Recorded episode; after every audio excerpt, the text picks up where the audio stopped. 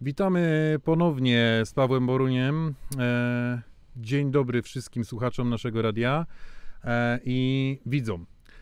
Mm, zapraszamy Was do cotygodniowej audycji Polacy budują Norwegię autorstwa Pawła Borunia, który jest tutaj z nami. Witaj Dzień Pawle. dobry, witam wszystkich, cześć.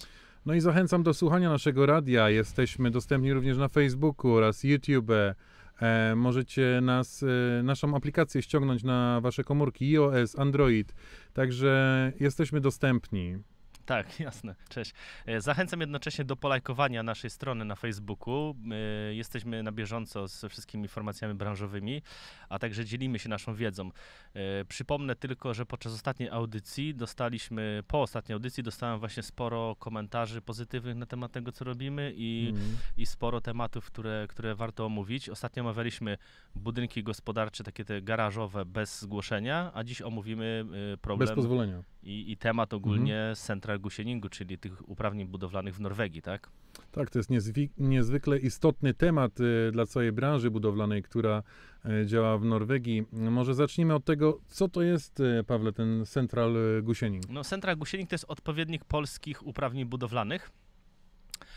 Jest to przydatne narzędzie dla firm, które chcą wziąć odpowiedzialność za prace budowlane w Norwegii właśnie tutaj. Mhm. Jakie korzyści ma firma z tytułu posiadania Central Gusieningu? No, posiadanie central gusieningu jest pozytywnie odebrane, odbierane przez potencjalnych zleceniodawców. E, Świadczy to o jakości usług budowlanych, które świadczymy właśnie. E, Jednocześnie potwierdza kompetencje zawodowe, e, a także wskazuje na to, że firma podchodzi poważnie do swojej działalności. Jest to również taki symbol wiarygodności przedsiębiorstwa budowlanego, które zatrudnia właśnie wykwalifikowanych ludzi, e, zna wszystkie przepisy, a także potrafi dostarczyć odpowiednią dokumentację, tak jak i przed, tak jak i po wykonawczą. Norwescy zleceniodawcy dużą uwagę przy, y, przywiązują właśnie do legalności, do jakości. Chętnie wybierałem firmy, które posiadają właśnie Central Gusienik. No to jest taka, taka mm, jakby to powiedzieć, e, otwarcie drzwi do, do, do, do, do masy, e, masy przedsiębiorstw. Powie- Powiedz mi, powiedz nam wszystkim tutaj słuchaczom i widzom, kto może nam dać taki gusiennik? Kto, kto jest odpowiedzialny za nadawanie e, gusiennika? Za nadawanie Central Gusieningu odpowiedzialny jest właśnie dyrektorat budownictwa, czyli DIBKO. E, Zanim jednak e, nada nam takie uprawnienia, przeprowadza wnikliwą e, ocenę kompetencji naszej firmy. Także, także w ten sposób. No. Mhm. No teraz rozmawialiśmy o tym, czym jest Central Gusienik oraz jak nadanie tych uprawnień e, podnosi wiarygodność e, rynkową firmy. Jasne. E, nadawanie uprawnień e, ma swoją niedługą, ale ważną historię, wiesz. E, jak na ten system, jak ten system się rozwijał, powiedz, e, jak, to powstało, bo to wiemy, że nie jest to tutaj od początku w Norwegii. Jasne, Mhm. jasne. Znaczy wiesz, ten system, system centralnego zatwierdzenia, ten central gusienik zrodził się przeszło około 21 lat temu, to jest w Mm. 97 roku. Jednak do dzisiaj bardzo dużo się zmieniło y, od pierwszego momentu, także, także w ten sposób ewoluował cały czas z biegiem Mhm. lat. A jak to wyglądało od początku? Możesz troszkę tutaj nam No, światełka dać? Na początku istniały dwa, dwa, dwa typy, czyli po prostu tak zwane y, zatwierdzenie centralne, czyli ten central gusienik oraz zatwierdzenie lokalne, e, lokal gusienik, który był przyznawany na projekt, na dany projekt. Jeżeli ubiegaliśmy się o jakiś projekt, jeden tylko na przykład w roku, to wystarczało, że składaliśmy central gusienik i to wystarczało, wystarczało w zupełności. Znaczące zmiany nastąpiły w 2012 roku. E, Ustanowiono nowe logo, które tu widać. Właśnie to pierwsze logo, które tu jest widoczne u góry, to jest, to jest, pier, to jest, to, to jest pierwsze logo. Drugie właśnie po 2012 roku to jest to logo czerwone, tak? Tu. Tak. Dodano wtedy kilka, kilka nowych kompetencji, obszarów y, działalności do tego, do tego systemu. Ale były jeszcze dosyć istotne zmiany w 2016 roku. E, na czym one polegały? E, Te, te zmiany polegały na tym, że po prostu y, zmienił się cały logotyp, teraz jest, ma kolor złoty i warto również pamiętać o tym, że ten czerwony logotyp, który był wcześniej, on funkcjonuje do 31 grudnia 2018 roku. W 2016 roku zaszły też daleko idące zmiany w zasadach przyznawania. Uściślono wówczas y, kompetencje. Y, Podjęto również decyzję o nadawaniu takiego właśnie tego, tego centralnego sieningu firmom, które swoją działalnością rzetel, y, działają rzetelnie w oparciu o należyte kompetencje i aktualne przepisy Mhm. prawne. Czyli tak, tutaj widzimy na, na, na naszej planszy, logo się zmieniło. Mm, I teraz wychodzi na to, że No, że Trzeba trzymać rękę na pulsie, jak widać, bo przepisy w Norwegii zmieniają się bardzo dynamicznie. y, A nasza firma Soluton AS na bieżąco aktualizuje swoją wiedzę i dzięki temu jesteśmy w stanie zagwarantować y, pomyślne uzyskanie centra gusienniku dla firmy, jeżeli, jeżeli firma spełnia y, określone wymogi, tak? Mhm, mhm, mhm. E, Myślę, że warto poinformować naszych słuchaczy o tym, na jaki okres, jak długo mamy, mm, jak dostaniemy już ten gusien, to na jaki okres on jest przyznawany. No, Gusien jest przyznawany na, na okres 3 lat. Po upływie tego czasu y, przedsiębiorca musi przejść ponowną weryfikację, jeżeli chce ten central Gusien utrzymać lub jeżeli chce y, wnioskować o wyższą klasę, tak? Mhm, mhm. No i teraz e, rozmawialiśmy teraz o tym, jak e, kształtowała się troszkę historii e, o gusieningu, o przyznawaniu. Wspomniałeś o klasach uprawnień Central Gusiening.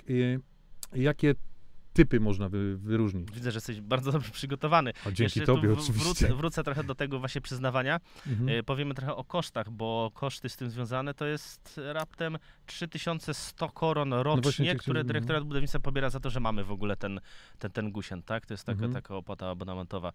No i wracając do tych klas, to w zasadzie wyróżniamy trzy klasy, tak zwane tilta klasy. Y, Przy czym należy wspomnieć y, o tym, że to jest rozdzielone na różne funkcje w budownictwie. I teraz wymie- wymieniamy trzy takie podstawowe klasy, czyli w skrócie SOK to jest odpowiedzialność za wnioskowanie, PRO to jest odpowiedzialność za projektowanie, a UTF, czyli utwór LC, to jest odpowiedzialność za wykonawstwo. No rozróżniamy też dwie klasy mm, takie y, pełniące, y, dla firm pełniące nadzór, czyli to jest y, to KPR odpowiedzialność za kontrolę procesu projektowania oraz KUT, czyli kontrola w utwór LC, to jest odpowiedzialność za kontrolowanie y, wykonawstwa, tak? Mhm. Ale te klasy to nie ostateczny sposób na klasyfikowanie tych uprawnień. Każda z nich mówi o odpowiedzialnościach branżowych. E, powiedz naszym słuchaczom, widzom, e, w jakich obszarach e, zawodowych można starać się o nadanie Central Gusieningu. No, Central Gusienik można starać się o wiele obszarów, między innymi jest to architektura, tak wymienię kilka takich. Architektura, konstrukcje na przykład murowe, betonowe, hydraulika, to jest dosyć, dosyć y, taki, no nasi taki hydraulicy. pożądany, pożądana klasa, czyli po prostu hydraulika, konstrukcje stalowe, wentylacja, klimatyzacja, roboty ziemne, modernizacja zabytków i wiele innych, na przykład bezpieczeństwo pożarowe też. No a powiedz mi, mm, bo my Polacy, no jesteśmy także, czy można starać się na przykład o Central Gusiening w kilku naraz obszarach zawodowych? Można, oczywiście. Y, To chodzi o to, że jeżeli zatrudniamy na przykład, y, zatrudnimy architekta z doświadczeniem i wykonawcę na przykład konstrukcji y, betonowych, możemy się starać o uzyskanie Centregu Sieningu, na przykład dajmy na to w tej klasie pierwszej, na projektowanie architektoniczne oraz na wykonawstwo, tak? A jakie są warunki przyznawania gusientu e, w poszczególnych klasach? No, wyróżnić należy kilka takich podstawowych warunków, y, które firma musi obowiązkowo spełnić. Przede wszystkim musi właśnie zatrudniać wykwalifikowany personel, czyli, czyli, czyli ludzi, którzy mają y, uprawnienia w danej, w danej dziedzinie, wykształcenie przede wszystkim.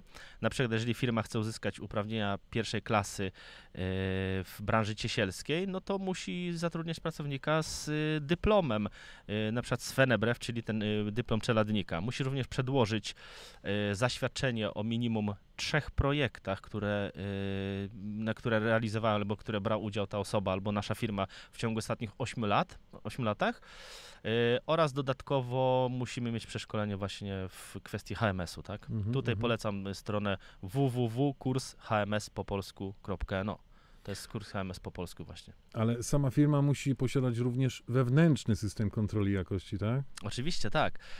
Y, Przy czym ten system kontroli jakości, tak zwany KOS, HMS system, y, musi zawierać dokumenty, takie spersonalizowane dokumenty y, właściwe dla danej branży, którą wykonujemy, czyli na przykład checklisty, rutyny, inne dokumenty, które są właśnie y, przypisane do naszej branży. Warto pamiętać jeszcze o jednym warunku, y, który firma musi spełniać, czyli nie może zalegać z podatkami, nie może zalegać z, z VAT-em i z Mhm. podatkiem, żeby, żeby uzyskać taki centragusiant.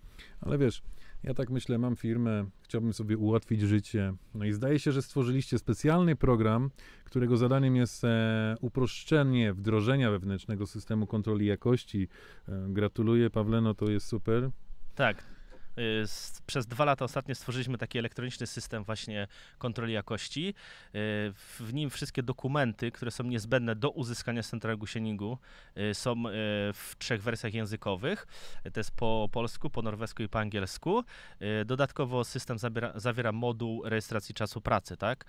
Polecam zajrzeć na stronę www.program.soluton.no. Właśnie y, KOS System jest też bardzo przydatnym y, narzędziem i pożądanym dla ludzi, na przykład, którzy zajmują się wotrumami, czyli tymi łazienkami, gdzie wszyscy to robią, bo na końcu takiego, takie, takiego y, procesu wykonywania łazienki trzeba dać klientowi tak zwaną dokumentację FDW. Mhm. I ta dokumentacja FDW właśnie zawiera między innymi wszystkie checklisty, rutyny, zdjęcia wykonywanych prac oraz inne, inne informacje i, i załączniki, tak? I No to możemy dobrze. właśnie dzięki naszemu programowi przygotować. Omówiliśmy tutaj e, teraz e, szeroką kwestię dotyczącą warunków przyznania sos, e, gusientu. Omówiliśmy istniejące klasy oraz obszary zawodowe, w jakich można o te uprawnienia się ubiegać. Poruszyliśmy także kwestię wewnętrznego systemu kontroli jakości. Zdaje się jednak, że warto o te kwestie zadbać nie tylko z punktu widzenia e, spełnienia warunków ubiegającego się o gusięt. Tak, to prawda. Przede wszystkim należy zwrócić uwagę na podejście norweskich firm do jakości. Yy, Nawet podczas yy, przetargów takich prywatnych i publicznych yy, stawiany jest duży nacisk na właśnie na to, żeby firma była, była tak zwana gusięt, tak? To jest inne podejście niż w Polsce, bo w Polsce jest podejście takie, że liczy się głównie cena, tak? Tu niekoniecznie. Należy pamiętać, że wdrożenie wewnętrznego systemu kontroli jakości właśnie KOS yy, systemu e, dla firmy e, daje bardzo dużo, korzy- bardzo po- dużo korzy- y, pozytywnych korzyści, tak? Dokumenty po- powykonawcze właśnie odgrywają tu bardzo ważną rolę w całym procesie budowlanym. Dokumentacja ogólnie. Mhm.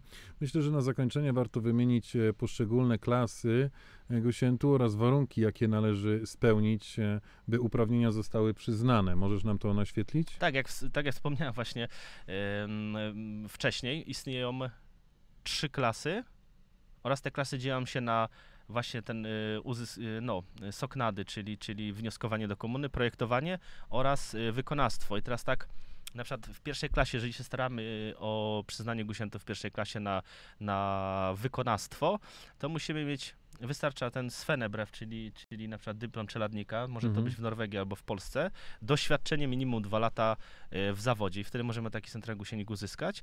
Natomiast w drugiej klasie, dla, przykład dla wykonawców, e, potrzebujemy już master brew, czyli papiery mistrzowskie oraz 3 lata doświadczenia w zawodzie. Także, także tak to w tej chwili wygląda. Trzecia Mhm. klasa, no też można mówić trzecią klasę, to wtedy jest wymagany dyplom inżyniera, żeby, żeby w trzeciej klasie można było wnioskować o trzecią klasę, tak? Dobrze. Zanim zakończymy audycję, myślę, że warto poruszyć kwestię związaną e, z braniem odpowiedzialności na budowie. Należy mieć obowiązkowo nadane uprawnienia. Guś... Musimy mieć ten gusięt? Nie, no taką ciekawostką jest to, że nie musimy wcale tego gusiętu mieć w ogóle. Yy, dopóki, dopóty spełniamy wszystkie te warunki, które są nam potrzebne do uzyskania, czyli mamy właśnie system kontroli jakości, yy, mamy kursy HMS, mamy, mamy właśnie odpowiednie rutyny wdrożone w firmę, mamy przede wszystkim osoby wykwalifikowane, to możemy taką robotę podjąć, czyli na przykład nie dobudówkę czy budowę całego domu i wtedy składamy erklaring do komuny, tak zwany erklaring om Sfashere, czyli erklaring o odpowiedzialności za dany projekt i możemy jechać dalej. Jeżeli komuna powie pas, czyli, czyli zrobi nam tilsin, ym, czyli, czyli kontrolę, wtedy legitymujemy się odpowiednimi dokumentami, wykształceniem naszego pracownika i doświadczeniem i jedziemy dalej. No. Mhm. Dziękuję Ci, Pawle, za wyczerpujące przekazanie wiedzy. Naprawdę jest to 100%.